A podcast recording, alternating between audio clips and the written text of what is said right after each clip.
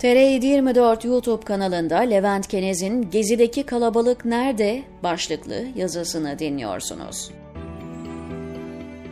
Eş kazayla seçimi muhalefet kazansaydı, Gezi davası sanıklarının cezası Yargıtay tarafından onanmayacaktı.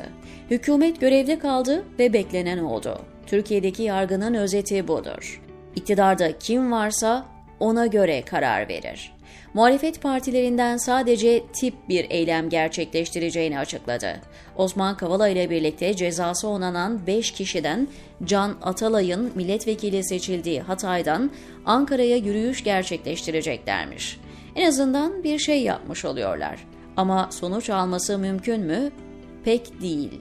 Dilerim beklenmeyen olur ve Anayasa Mahkemesi Can Atalay için bireysel başvuru kararından tahliye kararı verir. Bu davanın diğer itirazlarını da kabul eder ama giderek kendisini sağlamlaştıran rejimde Anayasa Mahkemesi üyelerinin böyle riskler almayacağını varsaymak yanlış olmaz. Diğer muhalefet liderleri sadece tweet atıyor. Kabul edilemez, devletin dini adalettir falan gibi şeyler. Artık bunları gördükçe insanların daha da sinirlendiğini fark etmiyorlar bile. Hükümet cenahı dünden itibaren trolleri ve bot hesaplarını sahaya sürdü ve Gezi'nin 17-25 Aralık gibi 15 Temmuz bir kalkışma olduğu yönünde aynı mesajı döndürüp duruyor.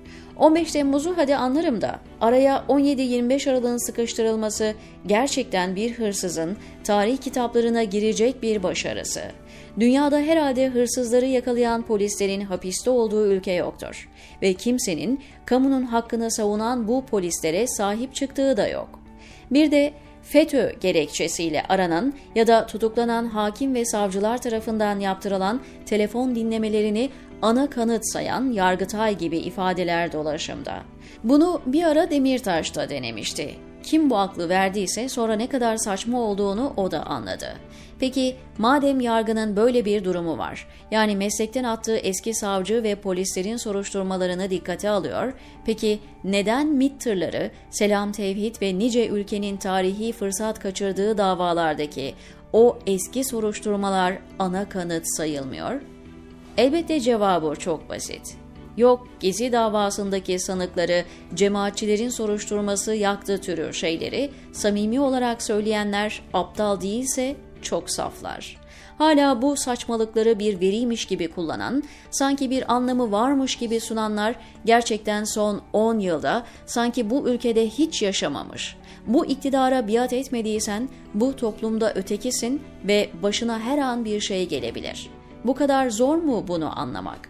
Şimdi herkesin merak ettiği şeylerden bir tanesi de Bayburt ilimiz hariç ülkenin her yerinde eylemin olduğu ve milyonların katıldığı gezi eylemlerinin faturası 5 kişiye çıkarıldı ve bu eyleme katılanlar nerede?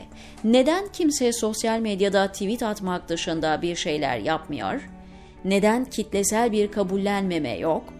Silivri soğuk sözü galip gelmiştir de ondan. Kimse hapse girmek istemiyor. Kimse işini kaybetmek istemiyor. Anlaşılır ve haklı bir sebep. Herkes ortada kalacağını, hiçbir muhalefet partisinin kendilerine sahip çıkmayacağını, daha da acısı buna gücünün yetmeyeceğini biliyor. Kolaylıkla terörist yaftası yiyeceğinin de farkında. İşin daha kötüsü geziye katılan ve örgütlü bir yapının içinde olmayan insanlar artık bu ülke uğruna bir risk almanın çok gereksiz olduğunu, bu ülkenin insanları için kendilerini feda etmenin bir anlamı olmadığını düşünüyor. Yoksa geziye katıldığı için pişman oldukları ya da ceza alanları umursamadıklarından değil. İşte muhalefetin bu ülkeye yaptığı en büyük kötülük budur ve bunu en iyi hükümet biliyor. Elindeki yargı sopasıyla, medya gücüyle, sermayeyle yaptığı işbirliği ve servet transferiyle oluşturduğu yeni ekonomik tabloyla Erdoğan rejimi kendisine muhalif olanları sindirmiştir. Ama buna rağmen hala en büyük korkusu 3-5 kişinin yan yana gelip bağırmasıdır. Çok güçlü görünen ama bir o kadar da korkak bir ceberrutluk. Artık mafyanın hakim ve savcılara bahşiş verdiği, polisin çetelere eskortluk yaptığı bir ülkedir Türkiye.